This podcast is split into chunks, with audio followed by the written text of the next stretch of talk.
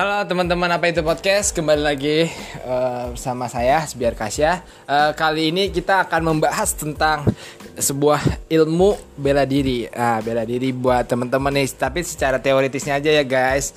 Ilmu bela diri. Uh, kita juga mungkin akan sedikit ngebongkar tentang uh, pemisahan antara Bekasi dengan Kabupaten Bekasi, Kota Bekasi dan Kabupaten Bekasi. Karena beliau ini adalah seorang yang senior, uh, beliau juga dapat dikatakan seorang dewan guru di salah satu perguruan pencaksilat di Indonesia yang sudah terdaftar di IPSI Ikatan Pencaksilat Indo seluruh Indonesia gitu guys. Oke, bisa perkenalkan dulu uh, mohon izin Bapak. Nama saya Heri Susanto. Saya dari perguruan pencak silat Satria Muda Indonesia. Oke. Apa itu perguruan pencak silat Satria Muda Indonesia? Sebentar tadi saya akan luruskan bahwa posisi saya di Satria Muda Indonesia belum menjadi dewan guru. Saya selaku pelatih senior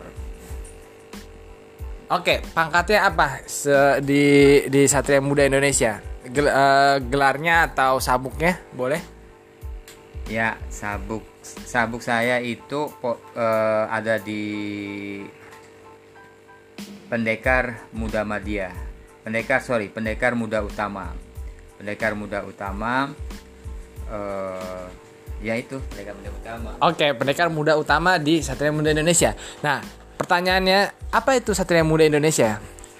Satria Muda itu, Satria Muda Indonesia itu suatu perguruan yang lahir di Ciloto. Ciloto itu di mana? Di puncak Lembah Pinus pada tanggal 29 Juli 1900 87. Ah, berarti ada dong pendirinya. Boleh tahu pendirinya siapa? Namanya? Pendiri waktu ketika itu uh, Bapak Mayor uh, Prabowo Subianto. Wow. Yang sekarang beliau menjadi uh, Menteri Pertahanan. Pertahanan apa sih kira-kira mungkin uh, selaku beliau kan sudah tinggi jabatannya uh, pendekar ya pendekar media. Uh, kira-kira tahu gak kenapa sih Pak Prabowo mendirikan sebuah perguruan pencaksilat di Cilotong? Beliau pernah menyampaikan kepada kami semua sebelum Satria Muda itu berdiri bahwa beliau uh, mempunyai cita-cita dan berkeinginan bahwa uh, melihat negeri Jepang Jepang itu suatu bangsa yang uh, mempunyai bangkit karena bela dirinya. Uh, Jepang bisa bangkit karena uh, semangat bela dirinya. Nah, beliau tergugah itu, beliau ingin di Indonesia uh, seluruh kekuatan Indonesia ada di mulai dibangkitkan melalui bela diri waktu itu pernah menyampaikan seperti itu kepada kami bahwa cita-cita beliau adalah mengembangkan yang paling penting adalah tradisi pencaksilat di Indonesia demikian. Nah, uh, itu tadi latar belakangnya. Kira-kira apa sih uh, yang telah diberikan oleh Bapak Prabowo Subianto selaku Menteri Pertahanan uh, untuk untuk SMI zaman dahulu kala? Beliau sebagai pembina utama sangat uh, sangat membantu kita dalam perkembangan perguruan pencaksilat Satria Muda Indonesia di wilayah-wilayah ataupun di daerah-daerah uh, bahkan semangat beliau itu menjadikan motivasi kita untuk uh, mengembangkan Satria Muda Indonesia ke seluruh Nusantara. Nah, ketika Pak Prabowo menciptakan SMI, apakah ada anggota-anggota SMI yang dipekerjakan uh, di bidang militer ataupun di bidang keamanan lainnya?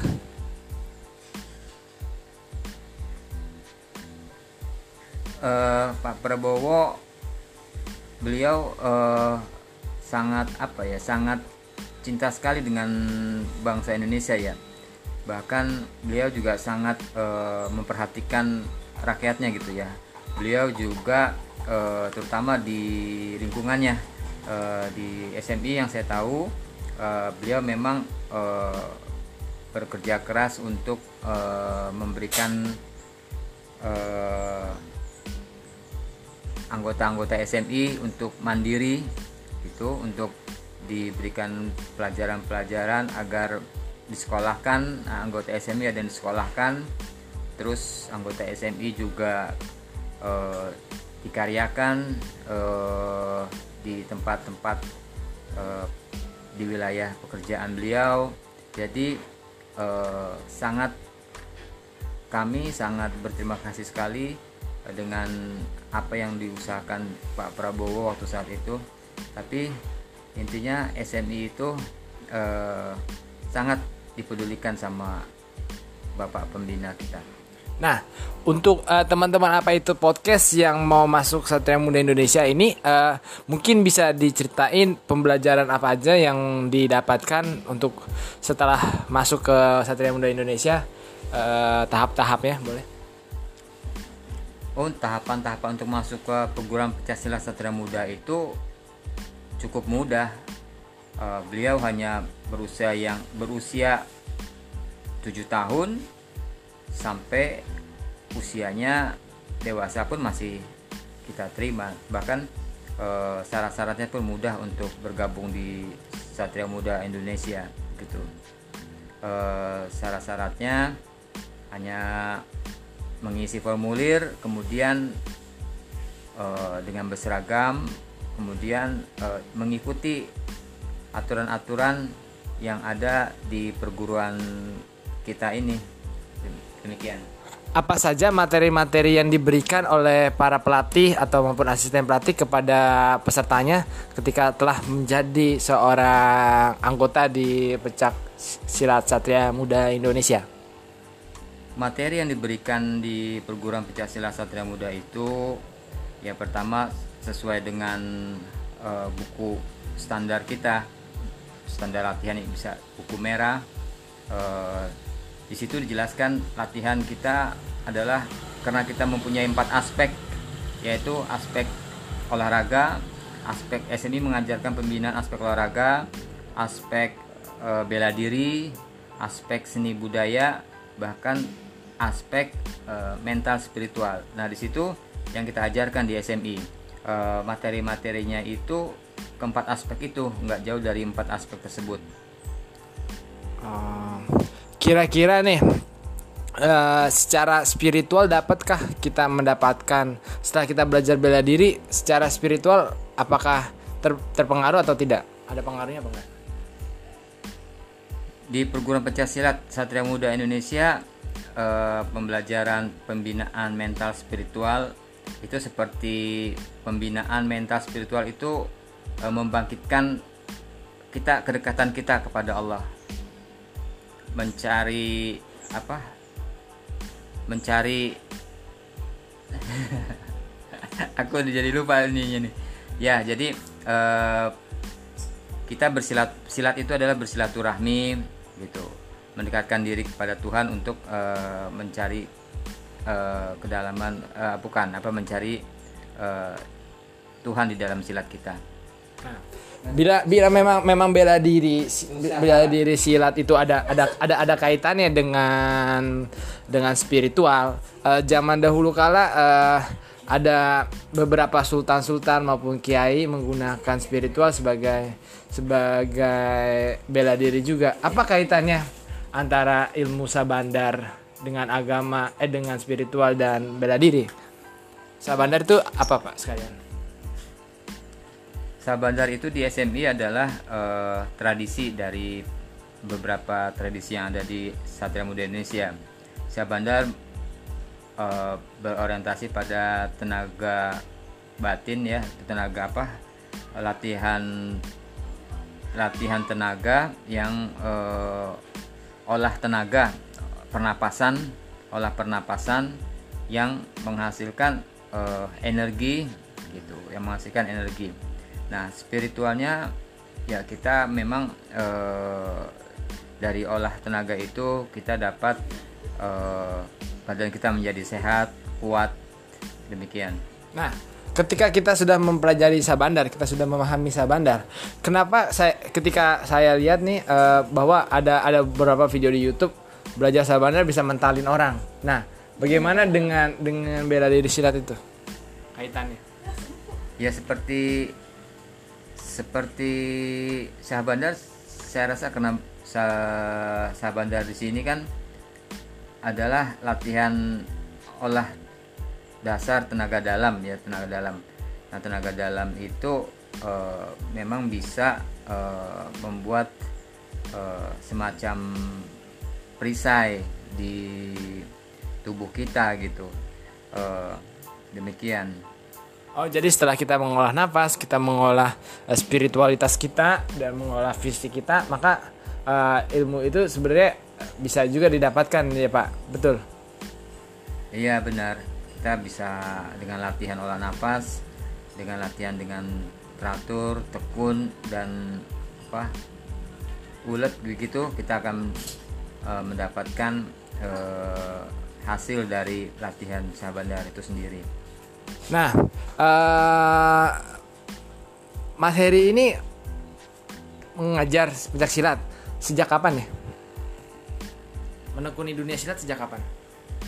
Saya bergabung di Satria Muda itu pada ya semenjak pelatihan pelatih silat di Sukabumi di Wanasari Eh, SMI berdiri itu dari satu sat- eh, dari kesatuan perguruan pencaksilat tradisi. Nah, jadi pelatih pelatihnya itu dikumpulkan di Siapa yang mengumpulkan itu, Pak? yang mengumpulkan ya Bapak Prabowo tadi eh, agar eh, eh, apa agar pencaksilat itu bisa berkembang tradisi dari tradisi jadi pada pelatihan itu itulah saya bisa menjadi pelatih Satria Muda di di Sukabumi Wanasari Oh, jadi eh, saya, saya manggilnya Mas Heri ya. Jadi eh, Mas Heri eh, belajar bukan lagi pada satu guru, melainkan banyak guru-guru tradisi lalu dijadikan satu perguruan itu namanya pencaksilat Satria Muda Indonesia gitu. Jadi ada ada SMI itu terdiri dari beberapa tradisi ya. Boleh tahu tradisi apa aja yang dipelajarin oleh eh, Satria Muda Indonesia? Ya betul Satria Muda Indonesia itu kumpulan dari eh, wadah dari sila-sila tradisi eh, dengan berbagai kutub seperti di Sumatera, terus daerah eh, Jawa Barat, Apa namanya? terus eh, DKI waktu saat itu tiga itu yang menjadi eh, konsen kita di Satria Muda Indonesia. Sedangkan tradisi-tradisinya dari Sumatera Sumatera Barat itu seperti silat tuo silat starlak silat eh, banyak ya silat di Sumatera yang bergabung dengan kita silat. Terus eh, baringin sakti terus eh, banyak silat-silat yang bergabung di SMI di Sumatera. Terus di Jawa Barat itu seperti yang tadi disebut Cimande, Syah Bandar, Cikalong gitu. Silat-silat tradisi yang bergabung ke kita. Eh, banyak lagi masih silat Jawa Barat. Terus di DKI seperti eh, silat eh, Beksi yang bergabung di SMI terus silat eh, dulu ada yang bergabung ada Ansor di tempat kita terus ada Sabeni dulu pernah bergabung di kita juga latihan dan masih bergabung di SMI demikian Oh, jadi banyak ya. Itu hanya beberapa saja contoh yang disebutkan. Jadi ada Cikalong, Cimande, Beksi dan segala macamnya. Oke.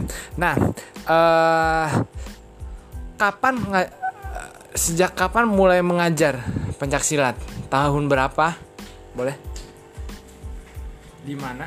setelah saya menyelesaikan pelatihan saya di Sukabumi selama 40 hari eh, kami berkumpul dulu di DKI karena kembali kepada wilayah masing-masing untuk menyusun uh, rencana perkembangan perkembangan SMI.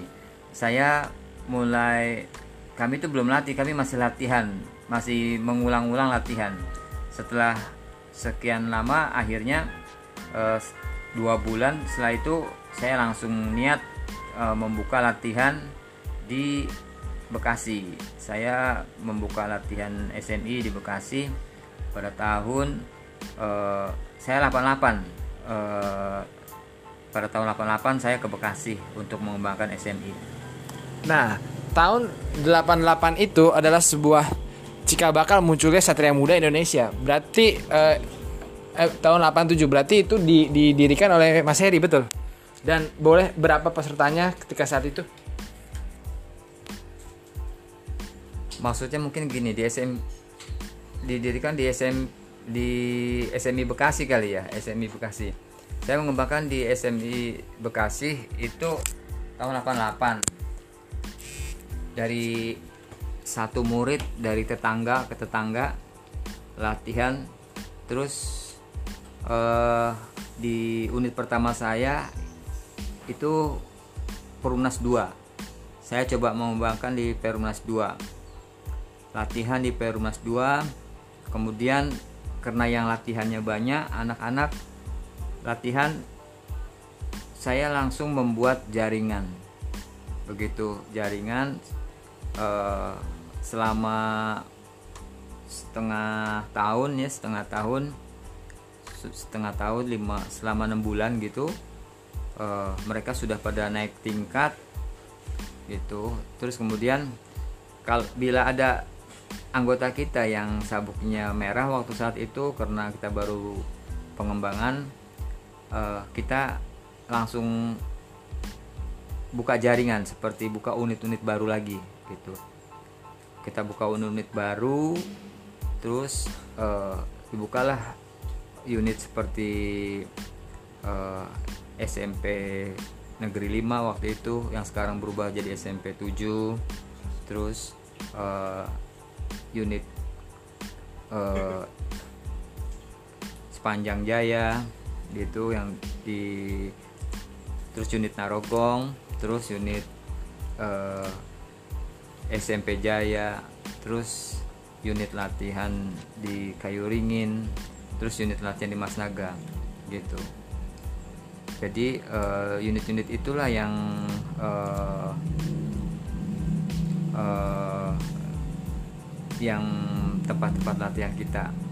Demikian Wah, teman-teman apa itu podcast? Berarti uh, jasanya Mas Heri ini begitu besar ya untuk sebuah organisasi Satria Muda Indonesia karena berkat beliau memulai memulai mendirikan SMI di Bekasi gitu. Uh, jadi ada beberapa unit yang akhirnya juga berkembang dari murid-murid beliau yang diajarkan. Mungkin sampai sekarang juga tetap masih ada ya.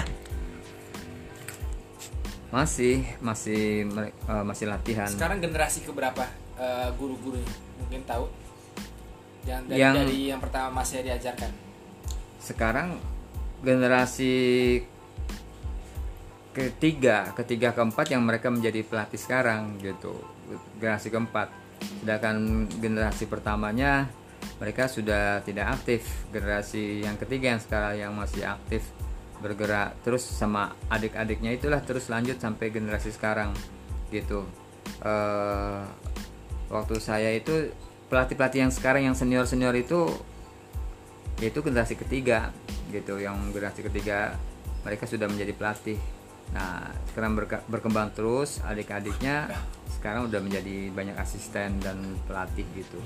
Uh, sekarang malah lebih banyak luas lagi gitu. SMI di Bekasi sudah makin luas. Hanya saja perkembangan SMI sekarang dan SMI dulu itu agak berbeda. Apa bedanya dulu kita konsen ke pelatihan di unit-unit latihan di komplek di rumah perumahan kita banyak berkembang di komplek-komplek di kampung-kampung. Kita banyak mengembangkan itu. Tapi unit-unit sekarang itu banyak berkembang di sekolah-sekolah. Demikian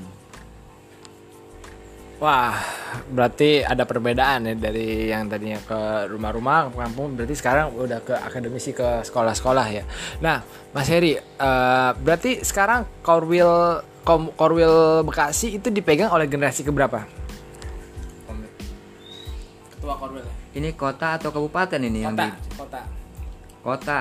Oh, kalau untuk kepengurusan ketua Komwil di kota itu dipegang generasi ke-6 kali ya. Generasi ke-6 iya generasi ke-6 karena menurut saya kan ada catatannya tingkat tingkatan mereka masuk gitu dari mereka masuk ke perguruan kita itu kita catat siapa-siapa mereka. Jadi menurut saya kesenioran mereka tuh ada di situ sebenarnya gitu uh, generasi ke-6 uh, ketua yang sekarang ini memang uh, apa Bang Buyung ya? Iya Bang Buyung. Sekarang diketuai oleh Niswarman atau disebut Bang Buyung. Ya Oke, nah uh, mungkin kan Mas Heri ini kan dari awal pendirian sudah sudah tahu ya berarti seluk beluk SMI. Nah uh, waktu itu Bekasi adalah sebagai satu Bekasi aja gitu. Sekarang uh, berubah kan ada kota, ada kabupaten. Nah uh, administrasi pemerintahan itu berubah, apakah memiliki pengaruh dengan SMI? Sejak kapan administrasinya itu berubah dari kota kabupaten pemisahannya? Gimana dengan sejarah SMI juga? Waktu itu kan ketika itu saya ngembangin di Bekasi itu kan di kota Iya, saya mengembang di Permas 2 dulu itu bukan kota dan dulu itu kabupaten, Kabupaten Bekasi dulu sebelum masih administratif Bekasi. Oh, gitu kan. Tuh. Nggak ada kota dulu. Nggak ada. Jadi Kabupaten Bekasi, Kabupaten Bekasi satu dulu Bekasi itu Kabupaten Bekasi gitu. Jadi eh, kota administrasi belum masih masih nah saya di di kota administrasi administrasi gitu ya. Belum menjadi kota. Sekarang uh, sudah berkembang di kota. SMI pun ikut berkembang sesuai dengan uh, pemerintahan gitu. Jadi uh, saya dulu megang kota terus ada uh, dari keluarga Pak Bang Babai di sana selanjutnya megang kabupaten. Waktu awal ceritanya demikian waktu pertama kali uh, eh, SNI Kabupaten dan Bekasi. Terus kemudian uh, eh, SNI kota berkembang itu dan ternyata memang kabupaten uh, tidak berkembang. Nah kemudian uh, bersama dengan waktu uh, kota melaksanakan uh, musyawarah wilayahnya dan saya saat itu kan ketua dimuswilkan akhirnya yang terpilih diganti oleh Bang Iswarman. Nah kemudian uh, saya kebetulan rumah saya juga pindah ke kabupaten. Ya akhirnya kemudian saya mengembangkan uh, eh, SMI di kabupaten sampai sekarang saya di kabupaten. Nah, boleh tahu gak? Mungkin teman-teman apa itu podcast belum tahu ya uh, sejarah administrasi Kota Bekasi dan kabupaten. Sejak tahun berapa sih itu dipisahkan antara kota dengan kabupaten? Oke. Okay.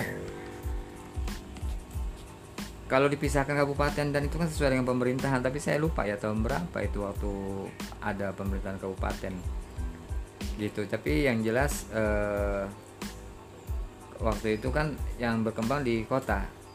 Nah kemudian melihat ada satu situasi seperti apa jadi saya ke kabup uh, ini apa ada instruksi saya ada instruksi saya diminta mengembangkan kabupaten untuk mengambil alih kabupaten gitu Oke, makasih. Nah, uh, mungkin kita juga kaum milenial mau tahu ya, maksudnya uh, eh, SMI kan sudah berdiri dulu diciptakan sejak zaman Pak Soeharto ya.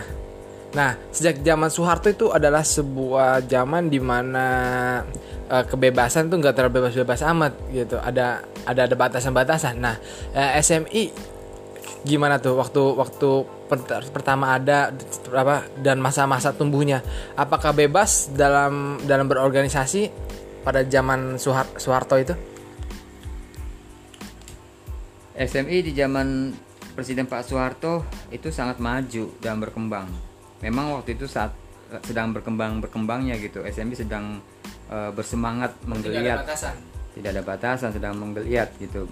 SMI mengikuti banyak kegiatan-kegiatan nasional bahkan internasional. SMI dalam uh, usia muda dia sudah banyak menghasilkan prestasi Iya, jadi uh, demikian cepatnya SMI bergerak, demikian cepatnya SMI uh, eh, apa mengembangkan gitu.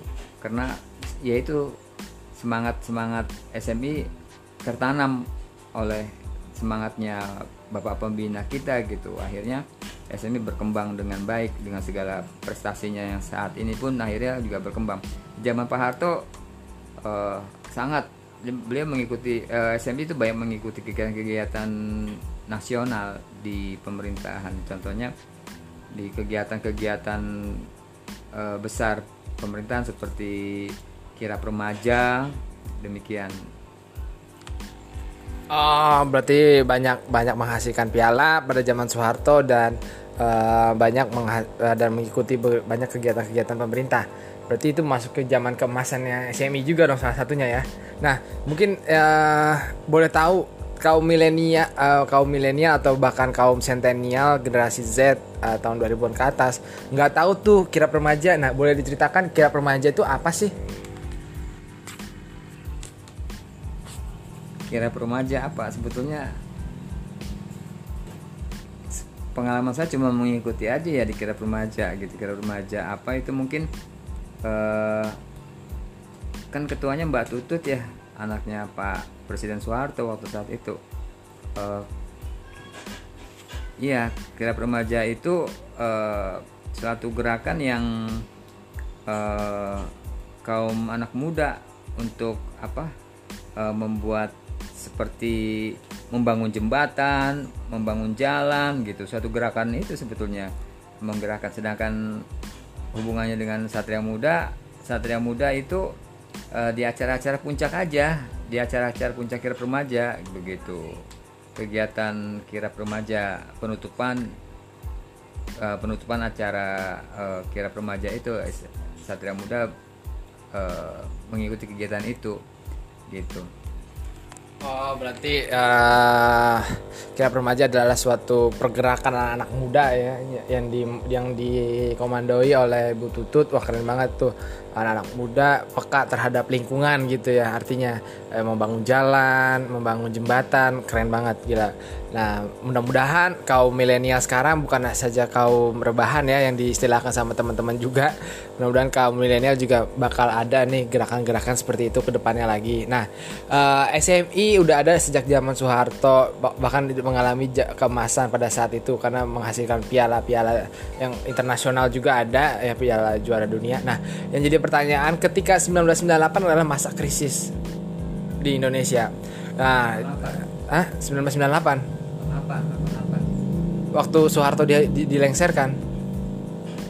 Nah, ya, pada masa itu apa yang dilakukan oleh Nah, pada saat 98 itu apa yang dilakukan oleh SMI ketika Pak Harto sedang turun? Dan itu adalah pergolak pergolakan di Indonesia banyak banget ya. Terutama di di di Bekasi pun ada beberapa pom bensin yang dibakar pada saat itu. Nah apa yang dilakukan oleh organisasi Satria Indonesia menghadapi isu-isu tersebut pada saat itu?